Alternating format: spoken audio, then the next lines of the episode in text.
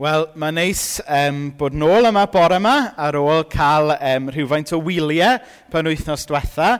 Um, dwi'n ddiolchgar iawn i chi um, am y syliau rhydd dwi'n cael pob hyn a hyn. Um, mae, hynny yw, a dwi ddim yn cymryd yn ganiataol, achos dwi'n gwybod am sawl gweinidog sy'n mynd blwyddyn gyfan heb gael sil rhydd. Um, felly mae'n cael ei werthorogi'n fawr cael rhywfaint o seibiant i gael mynd ar wyliau a gweld y teulu ac yn y blaen. Ond, um, ond yma mae'n nghartre i a dwi'n falch o fod nôl yma hefyd. Um, mae'n um, Super Bowl Sunday heddi, dwi'n meddwl, ydy e wel, a Nathan, a Rodri, y ti mewn i Super Bowl? Rwy'n yn gwybod beth mae hwnna'n golygu? Na? O, oh, wel, yn America, maen nhw'n cael, maen nhw wedi dyfeisio'r gêm yma, jyst i werthu hysbysebion. um, a mae'r ffeinal heddiw, bob di syl um, unwaith y flwyddyn, ond be bynnag. Di o ddim yn berthnasol i'r neges bore yma fyddwch chi'n falch o glywed. Nawr, um, yr hyn i ni'n gwneud um, tymor yma, um, wel, trwodd tan yr haf mewn gwirionedd, ydy mynd ar ar wybdaeth drwy lyfr Genesis.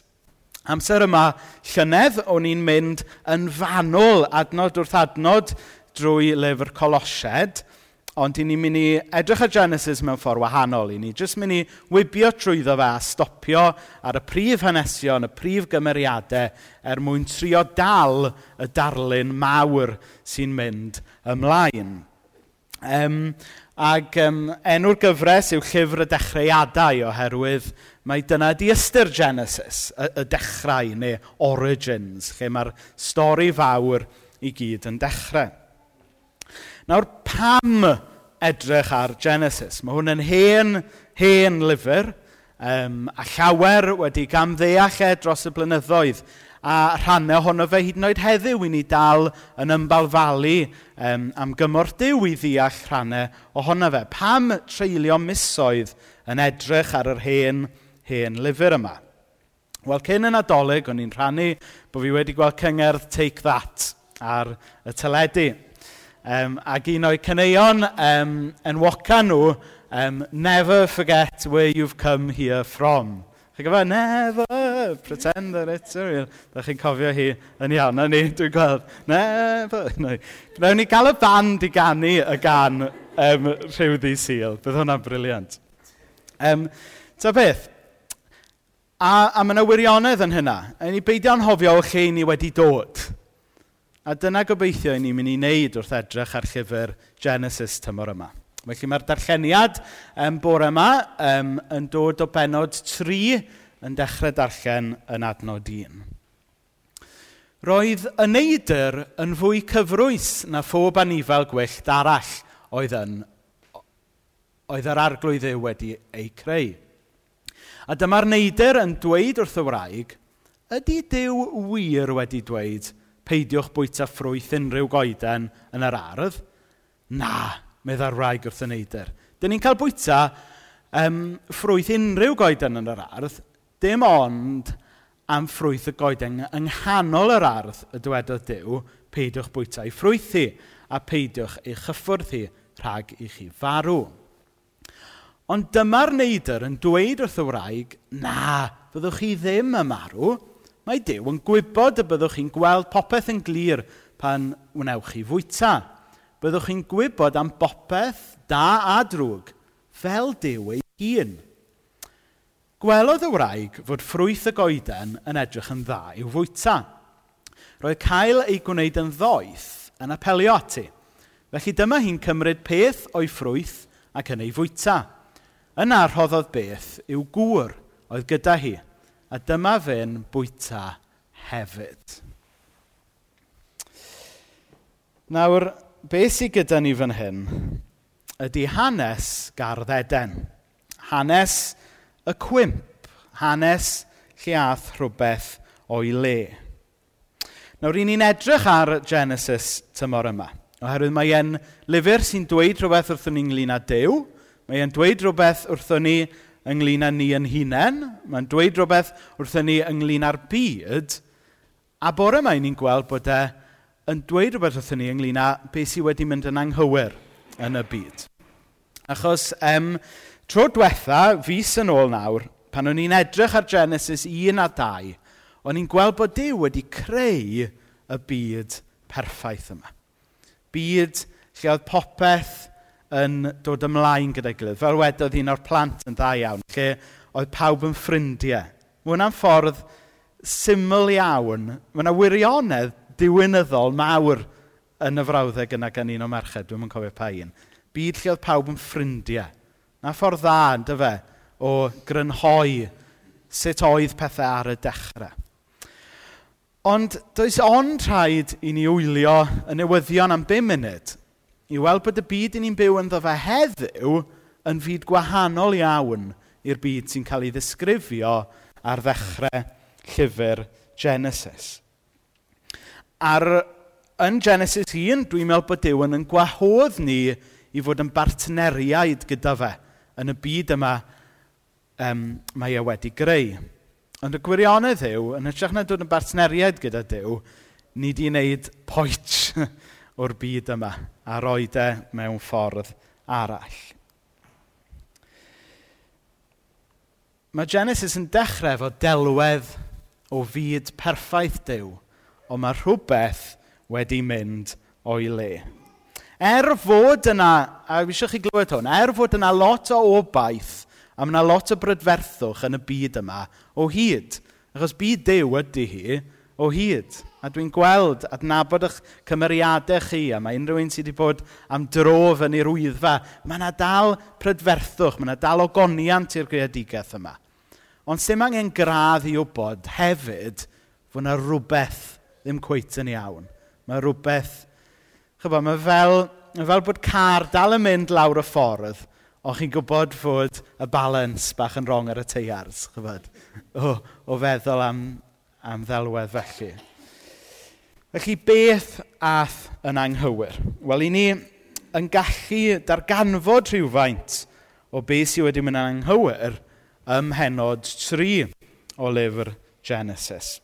Mae'r stori mewn gwirionedd yn dechrau ym mhenod 2. Genesis 2, um, adnod 15 ymlaen. Dyma'r arglwydd ddew yn cymryd dyn a'i osod yn yr ardd yn Eden i'w thrin hi a gofalu amdani.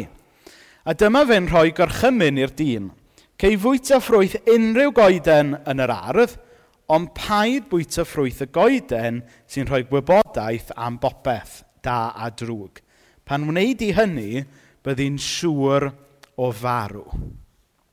So fan hyn, mae gyda chi Adda ac Efa um, yng Ngardd Eden. Um, yn bersonol, dwi'n meddwl oedd Adda ac Efa yn bobl go iawn mewn lle go iawn. Um, a dwi'n credu mae'r ddadl gryfa dros hynny yw fod y testament newydd yn siarad amdanyn nhw fel pobl go iawn, pobl oedd wedi bodoli go iawn. Ond dyw hwnna ddim i ddweud, mae yna wersi mwy hefyd yn cael ei dysgu yn y darn yma. Mae'r darluniau yma ynglyn â'r goeden da a drwg, ynglyn â'r neidr sy'n siarad. Hynny yw, yn amlwg, um, darlun oedd y neidr wrth gwrs o'r un drwg, yn dyfa.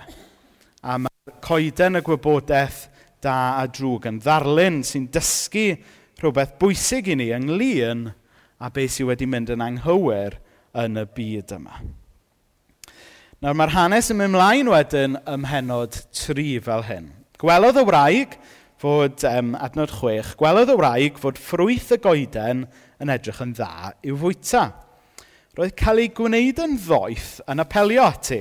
Ddim yn awgrymu bod merched ddim yn ddoeth um, cael ei gwneud yn ddoeth yn apelio ati. Felly dyma hi'n cymryd peth o'i ffrwyth ac yn ei fwyta. Yna rhoddodd beth yw gŵr oedd gyda hi a dyma fe'n bwyta hefyd. So dyma be mae'r eglwys trwy'r canrifodd wedi galw y cwimp. Dyma gymryd y ffrwyth oedd Dyw wedi dweud oedd wedi cael ei wahardd. Ac cael unrhyw beth arall ond peidiwch cymryd y ffrwyth o'r goeden yma. Ond beth sy'n digwydd, mae Adda ac Efa yn cymryd y ffrwyth. Ond os i ni'n craffu ar y stori a edrych beth sy'n mynd mlaen go iawn, i ni'n gweld mae nid bwyta'r ffrwyth yn ddo fe ei hun oedd y broblem fan hyn, y gyfe, ond yn hytrach anufuddod i ddew. Problem sylfaenol adda cefa oedd nid bod nhw mae ma who ate all the pies, nid who ate all the apples. Do, nid, nid dyna oedd who ate all the apple pies, wedyn ni. Um, nid dyna oedd y broblem sylfaenol. Y broblem sylfaenol oedd bod addach hefa rhywsyd eisiau mwy fa petai. Oedden nhw eisiau bod yn ddiwiau ar ei byd bach ei hunain. Oedden nhw'n tybed oedden nhw'n chwenychu bod ar yr un lefel â Dyw. Er bod Dyw wedi rhoi'r fraint iddyn nhw gael eu creu ar ei lunau ddelw fe, er bod Dyw wedi rhoi yr anrhydedd yn nhw fod yn bartneriad gyda fe yn y creadigaeth, oedden nhw eisiau mwy na hynna. Oedden nhw eisiau bod yn ddiwiau o fath. Oedden nhw eisiau bod ar yr un lefel â Dyw, sy'n eironic i feddwl bod Dyw i roi popeth yn iawn wedi goffod dod i'r un lefel ac adda ac efa yn Iesu Grist. Mae hwnna'n yna rhyw paradox i hwnna. A dwi ddim wedi bod yn darllen llyfr mena paradoxology. Nawr, sylwch ar eiriau, um, eiriau'r neidr wrth efa yn adnod 4 a 5. Ond dyma'r neidr yn dweud wrth y wraig, na, fyddwch chi ddim yn marw. Hynny yw, mae, e, mae e'n plannu y cwestiwn yma o amheuaeth yn dydy, yng ngair yn arweiniad Dyw. Mae Dyw yn gwybod y byddwch chi'n gweld popeth yn glir pan wnewch chi fwyta. Byddwch chi'n gwybod am bopeth da a drwg fel Dyw ei hun. Y syniad yna bod, bod y syniad syniad yna yn apelio i addac efo, bod nhw eisiau bod ar yr un lefel y Dyw, bod nhw eisiau bod yn ddiwiau bach yn eu bywyd nhw. A mewn gwirionedd, mae'r neidr yn chwarae ar yn gwendid ni fel dynoliaeth bod ni gyd yn y bôn eisiau bod yn ddiw bach ar yn bywydau yn hunain. Da ni ddim yn licio um, awdurdod drosto ni. Um, ni'n rebels yn y bôn, dwi'n meddwl. Um, ac oedd adeg efo fan hyn eisiau bod yn fosys ar ei hunain ac yn fosys yn ei byd bach ei hunain. Nawr, beth sydd gyda ni fan hyn, yn arwen mlaen o fan hyn wedyn, oedd be mae'r eglwys dros y canrifoedd wedi bod yn galw yn bechod gwreiddiol, original sin. Sef y syniad, beth ers pechod addac efa, bod dynoliaeth o fyna mlaen wedyn wedi, wedi bod rhywun peth yn sylfaenol. Nawr, mae yna gwestiynau mawr na ewn i mewn iddo fe bore yma er enghraifft, ydy ni'n bechaduried oherwydd i adda ac efa bechu, neu ydy ni'n bechaduried fel adda ac efa? Chi'n deall beth sydd gyda fi? Um, ond un peth dwi yn gwybod, pe taswn ni yn yr, yn yr ardd, so ni siwr o fod wedi gwneud un camgymeriad ac adda ac efa. A faswn ni'n wneud yr un camgymeriad oherwydd adda ac efa, dwi'n gwybod. Ond mae fi fysa hynna, fyswn i wedi mynd. Dwi'n adnabod y natur yn hunan ddigon i wybod y byddwn ni eisiau o fod wedi mynd am y ffrwyth yna. Mae e yn sicr yn rhan o natur i. Nawr, yn ei stori falle fydd yn darlunio y peth yn, yn well i chi. Ac yn ei ffrind um, yn y de, um, sydd wedi trio po fath o diet. A driodd e, uh, yr Atkins diet unwaith. Um, a'r atgen diet i chi sydd ddim yn gyfarwydd gyda fe yw, uh, dwi'm yn deall lle mae hwn yn gallu bod yn iach, a dwi eitha siŵr bod o ddim. Um, ond chi'n cael bita fain bynnag da chi isio o gig, ond bod chi'n cadw i ffwrdd o carbohydrates yn llwyr. Dwi'n iawn rhywbeth, rhywbeth fel yna ydy o. Um, so, gwych chi bita fain bynnag o, o bacon a da chi isio, Ond gewch chi ddim cyffwrdd tatws. Gewch chi, ta bynnag o sausages ydych chi isio, ond gewch chi ddim cyffwrdd tatws ac yn y blaen ac yn y blaen. Ac, ac oedd yn ffrind i oedd di wneud y deiet yma yn um, rhannu stori ynglyn â bod wedi ffeindio'i hunan mewn rhywle oedd yn paratoi um, rhyw frecwast mawreddog. Fi'n credu mai digwyddiad mewn eglwys oedd e i ddeud y gwir. Ac oedd e'n rhyw gyfarfod bore disadwrn um, i ddynion yr eglwys. Ac oedd yna frecwast wedi goginio, full, English, neu full Welsh breakfast, wedi, wedi baratoi. A mynyddoedd o facwn, mynyddoedd o sausages. Ac oedd e'n dweud, yng nghanol y bwrdd, a oedd pobl wrthi yn gorffen bwyta, oedd yna fynyddoedd o facwn ar ôl, mynyddoedd o sausages ar ôl, oedd yna un darn o ffara. A un darn o dost.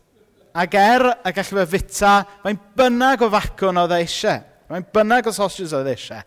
Oedd dim byd oedd e eisiau mwy na'r un darn o dost yma. A mae hwnna, dwi'n meddwl, yn rhyw ddelwedd um, wan iawn falle, o'n cyflwr ni, yn dydy. da ni, mae Dyw yn rhoi digonedd i ni Ond dyn ni wastad eisiau'r peth arall yna. mae Dyw yn rhoi i ogoniant, i gariad, y cyfan i ni. Ond mae rhyw sydd yn y natur ni wastad eisiau y peth arall yna, yn dydy. A dyma oedd cwimp a dda cefa. A dyma ydy'n ngwimp i, a dyma ydy'n cwimp pob un ohono ni ers ni, tas ni, ond yn onest am y peth. Nawr, yn syth ar ôl i Adda ac Efi, Efa syrthio a pechu, maen nhw'n cael y teimlad dofn yma o eogrwydd ac o gywilydd. Ac ni'n darllen yn adnod saith. Yn sydyn, roedden nhw'n gweld popeth yn glir ac yn sylweddoli eu bod nhw'n noeth. Felly dyma nhw'n rhwymo dail coed ffigus wrth ei gilydd a gwneud sgertiau iddyn nhw i hunain. Felly yn sydyn iawn, maen nhw'n teimlo'r eogrwydd yma, a fwy difrifo falle yn emosiynol o leia ydy'r cywilydd maen nhw'n ei deimlo. Oherwydd y cywilydd yma, maen nhw'n ystyn a, a, a wneud rhyw ddillad iddyn nhw i hunain. Nawr, mae eogrwydd a cywilydd yn ddau beth gwahanol, dwi'n meddwl, ond yn ddau beth sy'n dod gyda'i gilydd. Mae ogrwydd yn derm cyfreithiol yn dydy. Mae e'n delio gyda ffeithiau di a gwyn. Ond mae cywilydd yw'r effaith emosiynol sydd falle'n dod allan o euogrwydd. Um, y shame byddai'r gair gorau Saesneg falle. Um, a dwi'm yn gwybod os ydych chi wedi teimlo'r eogrwydd a'r cywilydd yma mae Adda ac Efa yn ei brofi fan hyn. A dwi am rhannu um, stori bersonol gyda chi. Um, dwi heb rhannu o'r blaen. Nawr dwi'n ymwybodol iawn mod i yn bechadur sydd dal i bechu. Ond trwy ras diw, nid pechadur ydw i bellach, dwi'n blentyn i ddew. Ond mae pechod yn dydi dal i ddangos i ben yn yn bywyd ni. A mae yna rai pechodau yn sefyll allan, lle mae'r teimlad yna o gywilydd falle yn fwy ro na rhai achlysuron eraill. A mae yna, mae yna un neu ddau gyda fi. Dwi am rannu un o'ch blaen chi bore yma. Pan o'n, pan o'n i um, tua deuddeg neu tair ar ddeg, tua blwyddyn wyth yn yr ysgol, oedd yna un bachgen yn ymlwyddyn ni, oedd wastad yn dweud rhywbeth slei wrtha i oherwydd bod mam yn athrawes yn yr ysgol. Oedd e, ddim byd mawr, chybod, jyst rhyw comment bach pob hyn a hyn. Ond oedd e'n raddol yn chipio i ffwrdd arna i, chybod. Fel dyna sut mae, um, yn y bôn, ddim bod fi'n trio amddiffyn be fyddai'n sôn amdano mewn munud, um, ond yn y bôn oedd e'n ymwlio i, chybod. E, oedd e jyst yn dweud rhyw ambell comment slei bob hyn a hyn, ynglyn â bod mam yn athrawes yn yr ysgol a hyn a hyn. Um, a dwi'n cofio ar ôl rhyw flwyddyn, blwyddyn a hanner, dyma fi'n snapio. Um, ac o'n i'n gwylio um, uh, Shawshank Redemption dros y uh, penwythnos. A mae yna linell yn y ffilm yna, does, every man has his breaking point. mae hwnna'n wir, dwi'n meddwl. A dyma oedd y breaking point i bryd hyn. Oedd e wedi e bod yn mynd mlaen a mlaen, A dwi'n cofio'n iawn lle o'n i. O'n i yn ystafell newid ar ddechrau gwers chwaraeon. So falle o'n i chyfo allan o'n hynefyn, fel petai. yn teimlo'n vulnerable falle. a chydig bach o gyd-destun i ddeall. Nawr, oedd y boi yma, um, o, o edrych nôl, dwi'n yn siŵr beth oedd e, ond mi oedd ganddo fe rhyw fath o anabledd ar ei wyneb. Oedd e wedi i enni um, gyda rhyw gyflwr ac oedd wedi cael sawl triniaeth. Ac oedd e'n amlwg ar ei wyneb e bod e wedi cael y triniaethau yma. A'r tro na nes i snapio, nes i ddweud rhywbeth nôl wrtho fe ynglyn â cyflwr i wyneb e. A'r foment yna, nes i deimlo'r cywilydd, yr eogrwydd a'r cywilydd mwyaf dwi erioed wedi teimlo. A hyd yn oed nawr, dwi'n cael moment yng nghanol nos weithiau lle mae'r cywilydd o be nes i ddweud wrth y bachgen yna, y diwrnod yna, yn dod nôl i fi. A mae ogrwydd a cywilydd yn beth difrifol yn dydy. Mae ogrwydd a cywilydd yn rhywbeth sy'n gallu yn dal ni lawr, yn rhywbeth sy'n gallu dod ar yn holau ni a cadw ni yn y fan yna. A dwi'n meddwl, ges i rhywfaint o leia snapshot o be nath adda ac efa deimlo pan gathen nhw'r eogrwydd a'r cywilydd yna o gymryd yr afal a teimlo'r cywilydd yma a trio cyfrio i hunain. Nawr, bore yma, falle, ond ni yn teimlo eogrwydd a cywilydd tebyg i adda ac efa, tebyg i'r eogrwydd a'r cywilydd o ni wedi brofi. Nawr, mae gyda fi um, fag fan hyn, y magu dwi'n cario gyda fi i bob man. Nid i i'n fag, na'r yna'n drwm, dydy. dwi'n gweld yn drwm. A weithiau mae neogrwydd a'n cywilydd ni yn teimlo fel baggage. Da ni'n cario rownd gyda ni bob man.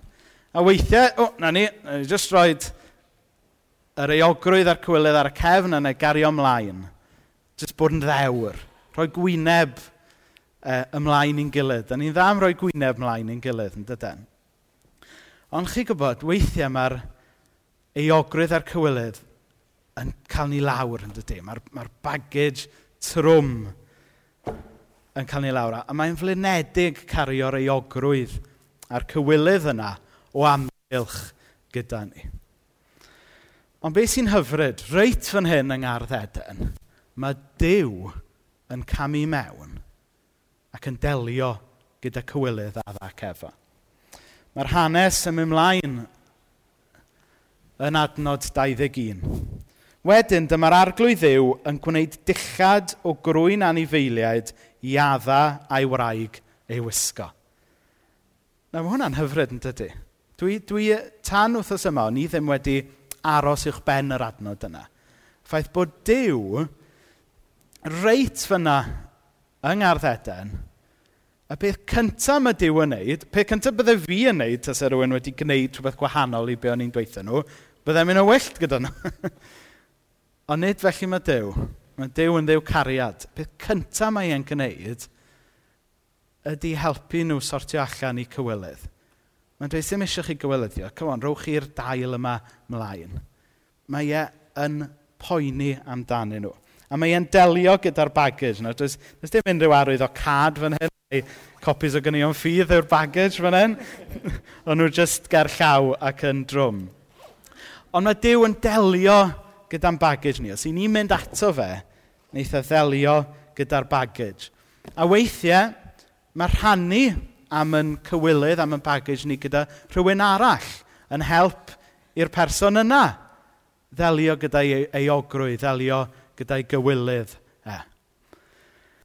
Achos yn aml fel pobl, i ni'n rhai gwael yn dydyn am rwbio cywilydd mewn. Ond mae Dyw yn y busnes o rwbio cywilydd allan. Um, wedodd Andy Ollerton, dwi'n meddwl, um, he hasn't come to rub it in, but to rub it out. A dyna yw newyddion da yr efengil. Yn aml, da ni'n trin y gilydd yn wahanol, dydyn. Da ni, oh, told you so, neu, tybod, what goes around comes around. Ni'n tueddu rwbio cywilydd yn gilydd mewn, yn dydyn. Ond mae Dyw wedi dod i rwbio cywilydd allan. Nawr, yng Ngharddedau, ni'n ni gweld beth sydd wedi mynd yn wrong. Ni'n fachgen gallu gwneud rhywfaint o synwyr o neuogrwydd a'n cywilydd ni. Ond be mae Gardd Eden hefyd yn dysgu ni, reit o'r dechrau un, bod Dyw yn y busnes o rwbio fo allan. A reit yng Ngardd Eden, dyma fe'n dod â cynllun at ei gilydd i ddelio gyda'n euogrwydd, i ddelio gyda'n cywilydd. A ni'n cael blas ohono fe yn y ffordd mae e'n gofalu ar ôl addac efan rhoi dillad iddyn nhw. Ac wrth gwrs, i ni'n gwybod bod y cynllun yn dod i'w gyflawnder yn Iesu Grist. Er mwyn i enw. Amen.